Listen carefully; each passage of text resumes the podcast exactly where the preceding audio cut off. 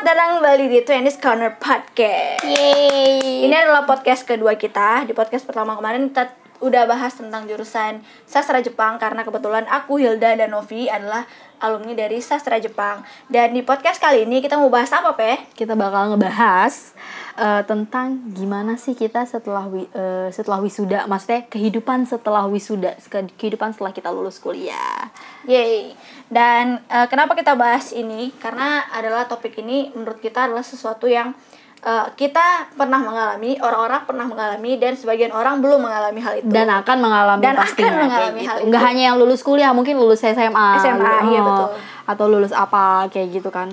Nah, itu tuh mereka pasti bakal struggle untuk cari kerja atau struggle di masa kayak transisi gitu Iya, loh. iya, iya. Heeh. dan kita berharap melalui podcast ini siapa pun yang mendengar podcast ini mereka yang lagi ngerasain mereka atau yang lagi bertanya-tanya atau ingin mendapatkan clue bisa terbantu dan tercerahkan. Mm, bener banget nah gini nih kita langsung lanjut aja Eh, Kalau Novi nih, kalau Novi dulu kali ya. Kalau Novi Em. waktu pertama kali habis wisuda itu ngapain aja sih? Kalau aku setelah wisuda eh, karena kan gini kalau di kampus aku itu tuh jarak antara wisuda dan nerima ijazah itu agak ada ja, ada jaraknya sekitar satu bulan maksimal ya kayak gitu beda sama mungkin perus eh, kampus lain ada yang langsung dapat ijazah Iya, ya mungkin. kalau kita kalau kampus kita enggak ya gitu Kalau Nah, wisuda cuma dapat map yang isinya eh, kertas doang. kertas eh enggak ada kosong ya Eh kosong ya? kertas Ada kalau nggak salah iya, pemberitahuan kertas. kalau Hmm. Ijazah ijazah belum belum jadi kayak gitu belum bisa diambil kayak gitu. Iya. Nah itu tuh eh, apa ya namanya? Selama itu tuh aku palingan ngurusin ijazah kan kita ada beberapa hmm, betul. yang harus diurus dan juga kayak udah mulai berpikir nih mau ngapain ya ke depannya. Karena kan bener-bener kita tuh saat itu juga kita menjadi wanita eh menjadi Jadi, manusia yang sesu- seutuhnya, Yang lepas Manusia- dari eh, status pelajar dan Pelajar. mahasiswa gitu ya. Ah, benar kita bener-bener dij- udah menjadi sebagian dari masyarakat Iya, gitu loh. Udah dihitung sebagai manusia dewasa. Benar. Nah, di situ aku mulai berpikir-pikir, aku mau jadi apa ya? Aku mau ngapain ya? Dulu aku mikirnya aku aku kan waktu itu bener-bener kayak eh, apa ya lomot banget kayak bahasa Jepang tuh susah banget jadi aku kayak ah bodo amat lah kayak gitu bodo amat aku nggak harus kerja yang related sama bahasa Jepang kok aku bisa jadi admin di kantor atau aku bisa jadi pegawai ini pegawai ini kayak gitu tapi setelah ak- selama sebulan itu aku bersemedi asik aku- Bersemedi. ya. jadi aku kayak mikir terus selama ini aku ngapain kayak gitu maksudnya Iya. selama ini aku belajar bahasa Jepang untuk apa apalagi kayak aku pen aku juga eh, ngikut aku juga sempat di Jepang juga selama enam bulan aku internship di Jepang enam bulan kayak lah itu untuk apa kayak gitu jadi akhirnya aku ngeras memberanikan diri lah menek nekat lah aku ibaratnya untuk eh, berani oke aku mau jadi Japanese speaker walaupun Oh, jadi berarti pada awalnya menentukan mau jadi apa dulu ya nggak sih? Iya bener, pasti selama sebulan itu kita mikir, aduh kita mau kerjaan apa ya, kayak gitu. Nah kalau misal Hilda sendiri gimana sih? Kalau aku sama sih sama Novi, ketika habis lulus dan eh, mulai nyari-nyari nih, kita mau kerja apa, tapi karena namanya fresh graduate. Ah. Kalau aku belum secepat itu sih jadi kayak Novi. Kalau Novi kan baru lulus langsung mikir kan Ah. mau jadi apa Ah. dan langsung menentukan dia kayaknya mau ngambil karir mau mau berkarir di bidang apa langsung Ah. ketahuan kan. Kalau aku nggak sempat, aku belum mengarah ke situ sih waktu baru lulus. Jadi aku emang eh, sama seperti kebanyakan orang, apply di mana ada lowongan kerja langsung apply. Di mana ini kayaknya bisa dikerjain ya udah apply. Ini bisa dikerjain ya udah apply kayak gitu. Masih yang ya udah yang penting dapat penting kerjaan, dapat kerjaan. Tapi daripada nganggur daripada kayak gitu nganggur ya. ya betul beberapa kali interview tapi Hmm. emang nggak cocok gitu loh nggak cocok dengan eh, posisinya nggak cocok dengan Mungkin salary. iya dengan salarinya dan segala macem pada Iya. akhirnya emang nggak eh, sesuai dengan itu karena pada awalnya aku cuman nyari di sekitaran kotaku di tempat tinggal aku dan akhirnya aku memutuskan untuk pindah ke Jakarta Hmm, iya sih karena banyak kenapa banyak orang yang memutuskan untuk pindah Jakarta mungkin karena di Jakarta ini lebih variatif gak sih kerjaan dari mulai Iya, betul banget. kreatif Iya, dari mulai yang lebih yang serius sampai yang cuman ketawa-tawa bukan yang cuman ketawa-tawa sampai yang nggak terlalu serius enak kelihatannya gitu. enak padahal di dalam ngebatin Langsung batin. nah kan pasti ya ident sebenarnya kalau kita bicara eh, stage selanjutnya setelah wisuda itu adalah apa pasti mencari Nyari kerja kerja. sih Ya kalau. Hilda sendiri bisa diceritain gak sih kayak waktu nyari kerja itu eh, kiat-kiatnya kalau punya ya kalau punya kiat-kiat yang bisa Kalau di punya sharing kiat-kiat, ya. kayak gitu kalau enggak eh, gimana sih struggle-nya dulu bisa nyari kerja sampai bisa dapat kerjaan yang sekarang kayak gitu Kalau aku sih pertama kali, aku kan Hmm. nggak langsung dapat kerjaan, nggak langsung pindah ke Jakarta dulu kan. Butuh Hmm. waktu sekitar beberapa bulan di rumah. Ada sekitar aku wisudanya bulan November, Hmm. dan aku baru dapat pindah ke Jakarta itu akhir Maret. Hmm. Dan itu aku udah apply eh, apa namanya eh, surat lamaran dan CV Ah. ke mana-mana dan beberapa panggilan gak cocok segala macam. Dan Hmm. aku akhirnya bisa sampai ke Jakarta itu karena tante aku eh, di kantornya kebetulan ada lowongan kerja yang bisa diisi selama tiga bulan. Oh jadi kayak pengganti aja sih pengganti sebenarnya aja ya? bukan karyawan tetap. Dan selepas dari tiga bulan itulah perjuangan yang sesungguhnya dimulai. Karena waktu itu kebetulan kantor tante aku ada di Karawang. Hmm. dan selama setelah uh, selesai dari pekerjaan di Karawang itu aku harus nyari kerja di Jakarta kan otomatis. Hmm. karena menurut aku di Jakarta emang pekerjaan seperti yang Novi bilang tadi lebih variatif dan Hmm. lebih uh, sesuai dengan bidang-bidang yang aku mau. Dan situ Ah. aku baru mulai melakukan yang Novi lakukan di awal tadi. Baru mulai menentukan sebenarnya aku ini mau apa sih bidang apa sih yang aku mau kerjain. Kalau bidang ini aku masukin bakal tahan gak sih? Bakal cocok gak sih? Bakal bisa eh, membangun karir aku ke depannya apa enggak? Kayak gitu sih. Yang paling kalau pas nyari kerja itu sih banyak sih suka dukanya. Kalau Novi eh, mungkin berpindah dari satu tempat ke tempat lainnya aku juga sama. Dan yang sebenarnya yang paling kita apa ya kita pengen orang-orang tahu yang perlu dipersiapkan selama mencari kerja itu sebenarnya mental sih. Karena kita Bener. bakal ketemu sama HR yang galak. Yang enggak bukan galak sih. Kayak emang bikin eh, down mental kita. Kalau Eh. pernah gak sih ketemu HR yang kayak gitu? Aku eh alhamdulillah nggak. Eh hmm, ya ya ya. Eh nggak tahu HR atau enggak pokoknya intinya itu interview orang yang interview aku Iya. kayak eh, pertanyaan ngejeb bukan ngejebak sih cuman kayak eh, ya kayak sekejar pengen menguji mental sih kalau Iya, buat iya, aku iya. kayak masa belum kalau baru di interview aja udah down mentalnya gimana nanti kerja Iya, iya, karena iya, kan benar. pasti di kerjaan ini kita bakalan ditempa banget nih mentalnya kayak gitu ya pastilah untuk ukuran fresh graduate pasti kayak langsung ya aduh langsung ciut aduh Iya. aduh serem ya kayak gitu gitu ya tapi semua orang pasti ngerasain itu Iya. Kalau aku waktu itu mm, pernah ngalamin sesuatu yang lumayan bikin apa ya? bikin down dan bikin bertanya-tanya, bikin bimbang, bikin meragukan diri sendiri. Karena waktu itu kan aku kan Ah. mulai menjurus nih, mulai pengen tahu. Aku kayaknya pengen jadi content writer aja deh. Hmm. Karena emang itu sesuai dengan uh, apa yang aku sukai selama ini dan adalah hal yang cukup baik aku lakukan. Ah. Mm-mm. Dan ketika aku apply di salah satu perusahaan startup yang baru berdiri tiga tahun dan aku pikir perusahaannya masih kecil karyawannya cuma sekitar 50 atau sampai 100 orang. Hmm. ternyata ketika aku sampai di situ lebih dari yang aku pikirkan. Ternyata karyawannya udah banyak hampir 200an gitu. Dan mereka punya gedung sendiri dan punya eh, bagian-bagian yang emang eh, bekerja dengan pokoknya banyak bidangnya gitu. Dan di situ ketika interview di perusahaan itu eh, HR-nya tuh nanya ke, aku pertanyaan yang emang bikin gentar. Dia nanya gini, eh, boleh tahu gak sih kenapa kamu pengen jadi penulis? Content writer itu kan penulis, kenapa kamu pengen jadi penulis? Terus aku jawab, iya karena aku orang yang suka baca. Terus dia tanya lagi, aku juga suka baca, tapi aku nggak pernah pengen tuh jadi penulis.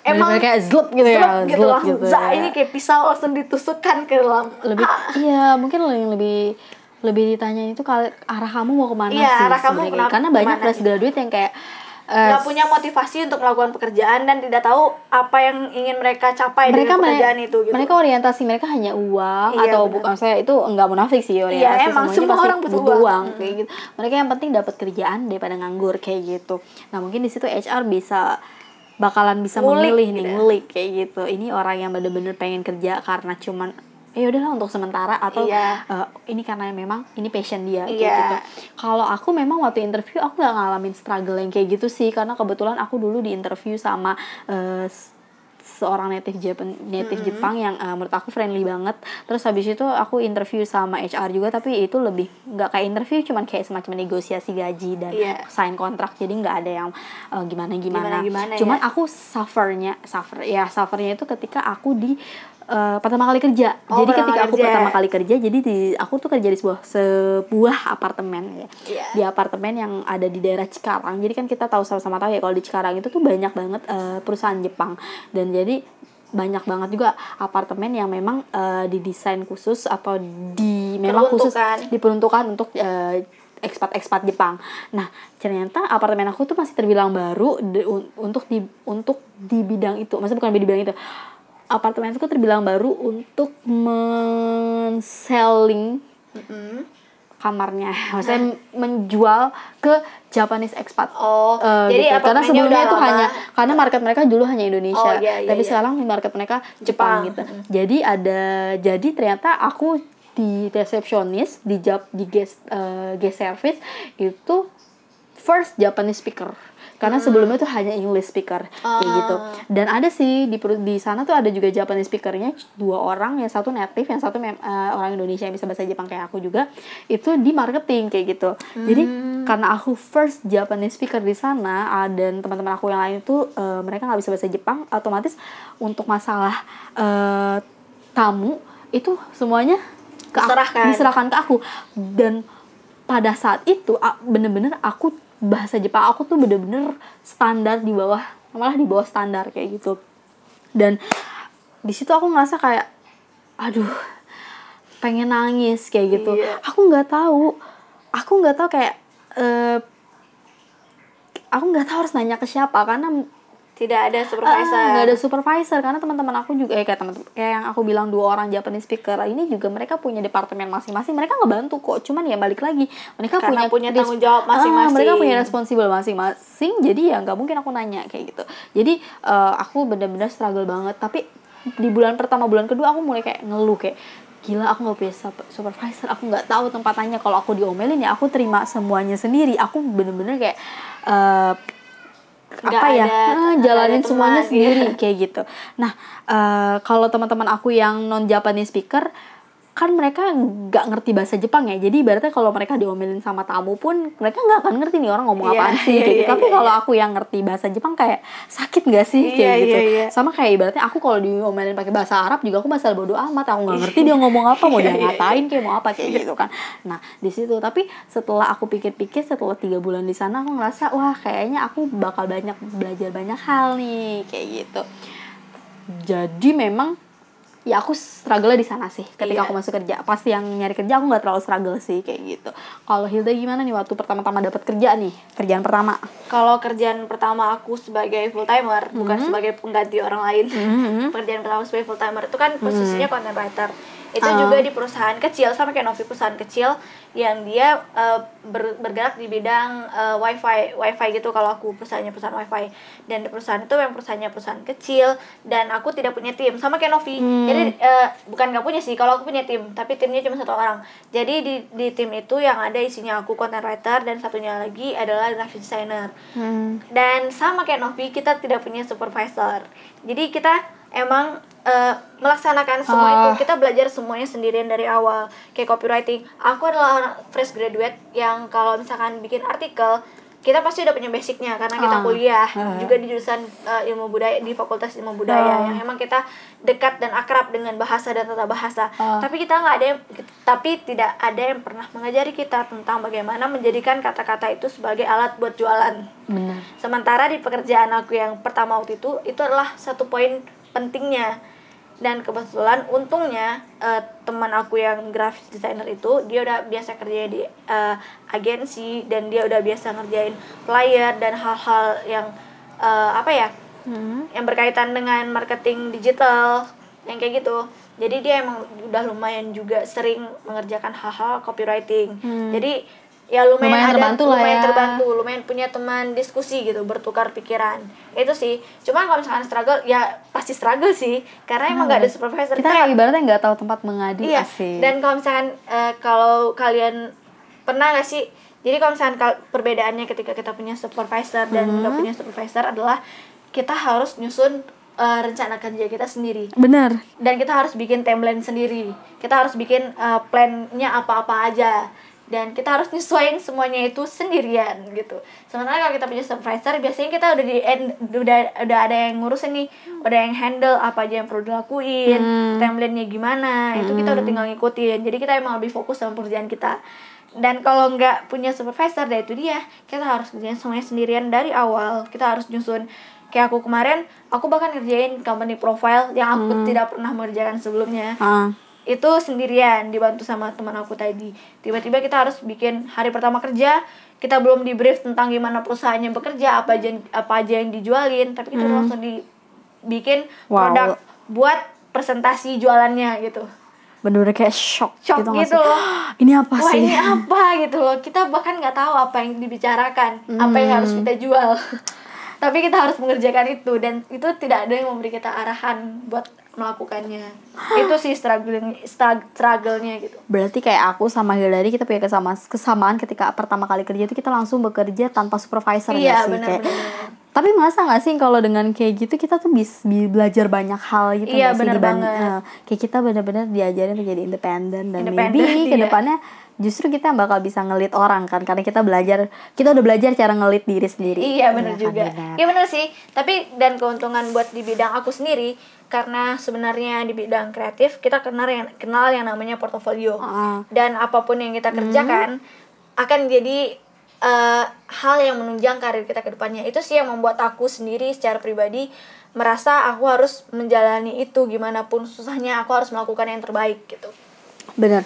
Nah, jadi eh, yang aku dapat dari obrolan kita hari ini, kita kan ber- kita berdua nih sama-sama mulai dari eh, apa ya pekerjaan pertama kita tuh adalah tanpa supervisor dan kalau aku aku mau aku mau klarifikasi perusahaan aku tuh sebenarnya perusahaan besar karena dia perusahaannya propertinya udah di mana-mana. Iya. Cuman kayak eh, untuk ke Japanese market itu baru pertama kali. Nah, kayak gitu. Jadi emang orangnya yang pertama kali dikirim buat bidang itu gitu ya. Mm, dan sekarang aku bekerja di aku udah pindah perusahaan sekarang aku bekerja di perusahaan startup perusahaan kecil kayak gitu ba- karena baru ya kayak gitu jadi em, aku ngerasa di sini malah aku enjoy banget karena aku dari nol berju eh, aku dari nol banget nih bareng-bareng sama staff-staff lain ngebangun nih perusahaan Iya, ibaratnya iya, iya. kayak gitu Eh, dan aku ngerasanya gini sih eh, apa ya banyak kamu eh, kamu ngerasa gak sih Hil kayak banyak di luar sana fresh graduate atau orang yang baru kerja itu eh, mereka itu cepet low motiv low mod kayak gitu kayak ngerasa eh kerjaan pertama tuh kayaknya nggak sesuai ekspektasi Iya, Kalau ini aku pasti sih- karena adanya ekspektasi yang memikir Ah. ekspek- ekspektasi ekspektasi yang sebenarnya itu tuh cuma ada di film-filmnya gak sih? bener-bener mereka tuh set high expectation gitu kayak kalau mereka udah kerja mereka bakalan grooming seperti eh, pekerja kantor ya Iya. eh, mungkin mereka pakai rap apa pakaian pakaian rapi, rapi, terus gitu. kalau yang cewek pakai heels atau apa terus mereka bekerja di eh, Di perusahaan, di Perusahaan. gedung tinggi, Ah, di pusat kota. di pusat kota. Setiap pulang kerja bisa nongki-nongki, Ah. menenteng sebuah kopi dengan brand eh, titit, gitu. titit gitu. Eh, sorry sorry sorry maaf maaf ya ini nggak bisa disensor ya podcastnya bisa pokoknya eh, jadi eh, kayak gitu sih jadi mereka ngerasa kalau oh mereka bakalan eh, enak nih kayaknya aku bakal kerja di perusahaan A perusahaan Jadi besar orang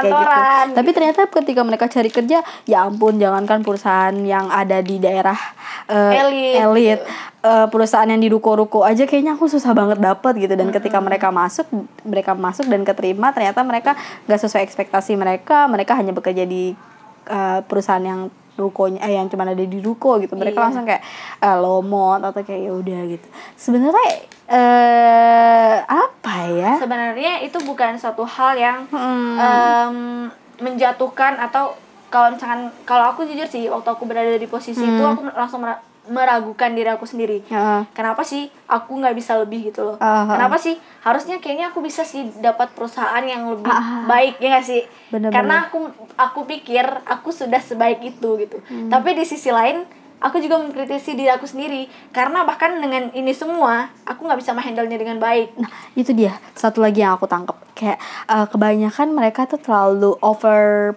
mm, menghargai confident, diri, confident. iya, Ah, terlalu percaya terlalu diri percaya dan terlalu diri. menghargai diri sendiri lebih sangat tinggi gitu Mm, mm, mm. Jadi kayak mereka ngerasa eh, ya udah sih apalagi kalau Mikael mungkin dia per- dari universitas yang bagus ya kayak Iya. gitu.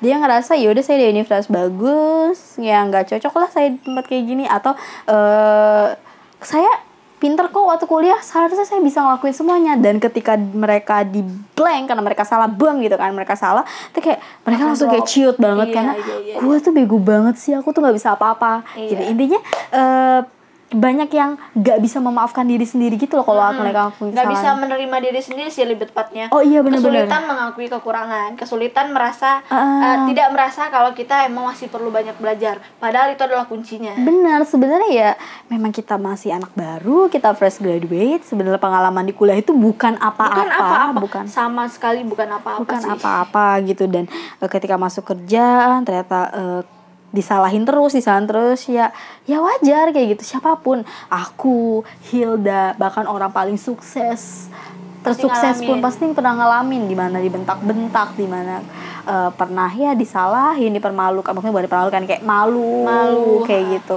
Pasti sih, tapi itu bagian dari Itu hidup gak sih dan iya. ketika kamu berada di posisi yang menurut kamu kamu sudah cukup sukses atau kamu ngerasa kamu pantas untuk sedikit berbangga, kamu akan merasakan kayak pengalaman pahit itu tuh kayak manis gitu untuk Iya, diceritakan. karena emang itu secara secara apa ya?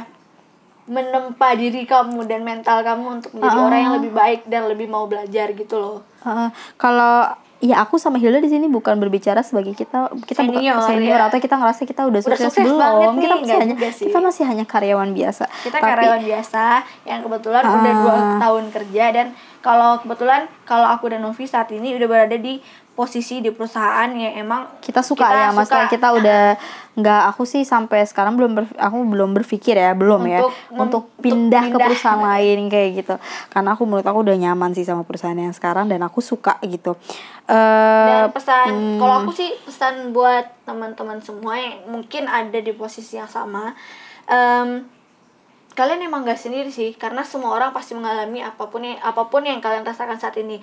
Orang pasti kita semua pasti pernah ngal- ngalamin yang namanya bingung mempertanyakan diri sendiri mengkritisi diri sendiri eh, atau merasa kita tidak pantas diperlakukan seperti itu. Karena aku sendiri pernah dimarahin. Yang yang dimarahin sama atasan yang menurut aku itu sebenarnya bukan salah aku gitu. Waktu itu. Tapi Ah. sekarang setelah dilihat-lihat lagi setelah pikir-pikir lagi benar juga sih ada benernya yang dibilang sama atasan aku waktu Ah, itu gitu. ah. jadi intinya kita harus bisa mengakui kekurangan kita dan keterbatasan kita dan menjadikannya itu menjadikannya sesuatu untuk kita selalu belajar terus belajar dan menjadi lebih baik gitu sih. Untuk kamu yang untuk kamu yang saat ini mungkin lagi dengerin kita, lagi di dalam busway, di dalam kereta atau di Gojek atau Grab yang baru pulang kerja, capek dan ngerasa kayak kok kerjaan aku gini banget sih kayak gitu. Kayak you are not alone kayak gitu. Kita semua struggle sama pekerjaan kita masing-masing. Mungkin eh, ada yang ngerasa kayak kok ini orang kayaknya enak banget kerjanya ketawa hahihi kita nggak tahu Iya, apa kita yang ada nggak di tahu apa yang terjadi sebenarnya, eh, gitu. mungkin dia ngerasa sebenarnya dia punya deadline yang numpuk di Iya, belakang. bener atau dia punya sebenarnya sesuatu yang harus dimenangin kalau nggak kalau nggak iya. eh, kalau nggak achieve itu nanti kayak bisa terancam. Terancam Who knows, posisinya, segala gitu macam. kayak Iya, gitu benar, sih. makanya yang bisa kita lakuin adalah sekarang bersyukur terus juga intinya bener kalau aku ngerasa sih akuin kekurangan kita Iya. kita memang percaya deh kalau ketika kamu diomelin kamu ngerasa kayak iya sih kamu kayak sedikit bukan sedikit tapi kamu ikhlas karena kayak emang kamu nggak bisa Iya. kamu bakalan kayak eh, terhindar dari penyakit hati gitu kayak iya iya sih ya udah sih emang aku salah kayak gitu intinya oke sekarang salah jadi ke depannya kita baik punya kan. cara buat melakukan Ah, ke depannya sebenarnya Intinya juga, sih, ah. jadikan itu jadi pelajaran gitu Ah, karena bos juga kan marahin kita bukan karena kitanya tapi karena kesalahan kita Iya, bener, kayak gitu. bener, Kalau bener. kita bis kalau kita bisa lebih baik, kalau kita jadiin itu sebagai apa ya? eh, Hal yang- bis- bisa melat me- apa ya ibaratnya? menjadi cambuk untuk iya. menjadi semakin maju dan semakin berkembang ya nggak apa-apa sih Eh, itu adalah satu hal yang patut kita syukuri juga sebenarnya Benar. karena bisa jadi kalau misalnya di awal pekerjaan karir kita terlalu Hmm. mulus itu ada satu sisi nanti stuck dan nggak tahu lagi mau ngapain. Ya nggak sih? Ah, sementara kalau kita udah melakukan kesalahan-kesalahan kesalahan kita kan selalu berusaha untuk memperbaikinya memperbaikinya memperbaikinya. Dibandingkan Ah. ketika, ketika kita semua hal mulus dan lancar itu pasti kayak ya udah gini udah beres mau ngapain lagi nih? gitu loh. Bener. Justru hidup lebih berwarna gak sih? Iya hidup lebih berwarna. Dan ada hal yang untuk kita kenang dan eh, kita bisa ketika kita melihat ke belakang ternyata aku pernah berada di masa-masa itu gitu sih. Ah, ah, dan kamu bisa kayak sedikit berbangga dengan diri sendiri kayak Mm. you did it ternyata, kayak gitu. Iya, you did it dan kamu bisa melihat diri kamu kamu mulai dari sini kamu Ah. ternyata udah jadi kayak gini kayak gitu kamu eh, jadi kayak gi- dari awal kayak gini be- apa berkembang jadi kayak gini dan sampai di kamu yang saat ini gitu sih semangat semangat intinya kita semua pasti kita semua sekarang lagi dalam pose yang bener-bener kita struggling Iya. tapi kalau aku selalu percaya selalu ada pelangi setelah badai. Apa sih? Ya ini Ya, gitu sih. itu sih. intinya selagi Intinya- kamu mau berusaha pasti, pasti, ada jalan pasti ada jalan. Pasti bisa. Intinya ya itu aja sih. Semoga eh, kalian semua bisa mengambil pelajaran dari apa yang kita bicarakan panjang lebar se lebih dari 25 menit hari ini. Sama kayak halnya aku sama Heda lagi bikin podcast. Kita ngerasa podcast kita pasti kayak oh, kita masih sering grogi kita masih tapi we believe that kita pasti bisa jadi Iya. podcaster terbaik. Bukan terbaik sih mesti podcaster yang baik ke yang depannya lebih baik. Yang lebih baik. Karena emang kita berfokus ke usaha progres. Karena kita dengan podcast ini pun kita menantang diri kita sendiri gitu sih. Ha, bener banget. Jadi Gitu. semuanya semangat terima semangat kasih sih. yang udah Semoga- dengerin eh semoga apa semoga bisa mengambil pelajaran itu sih intinya. Terima Dari kasih yang buat kita udah hari ini. dengar. ya. Oke. Makasih buat kalian semua yang udah dengar. Sampai jumpa di podcast selanjutnya. Yeay, Bye. bye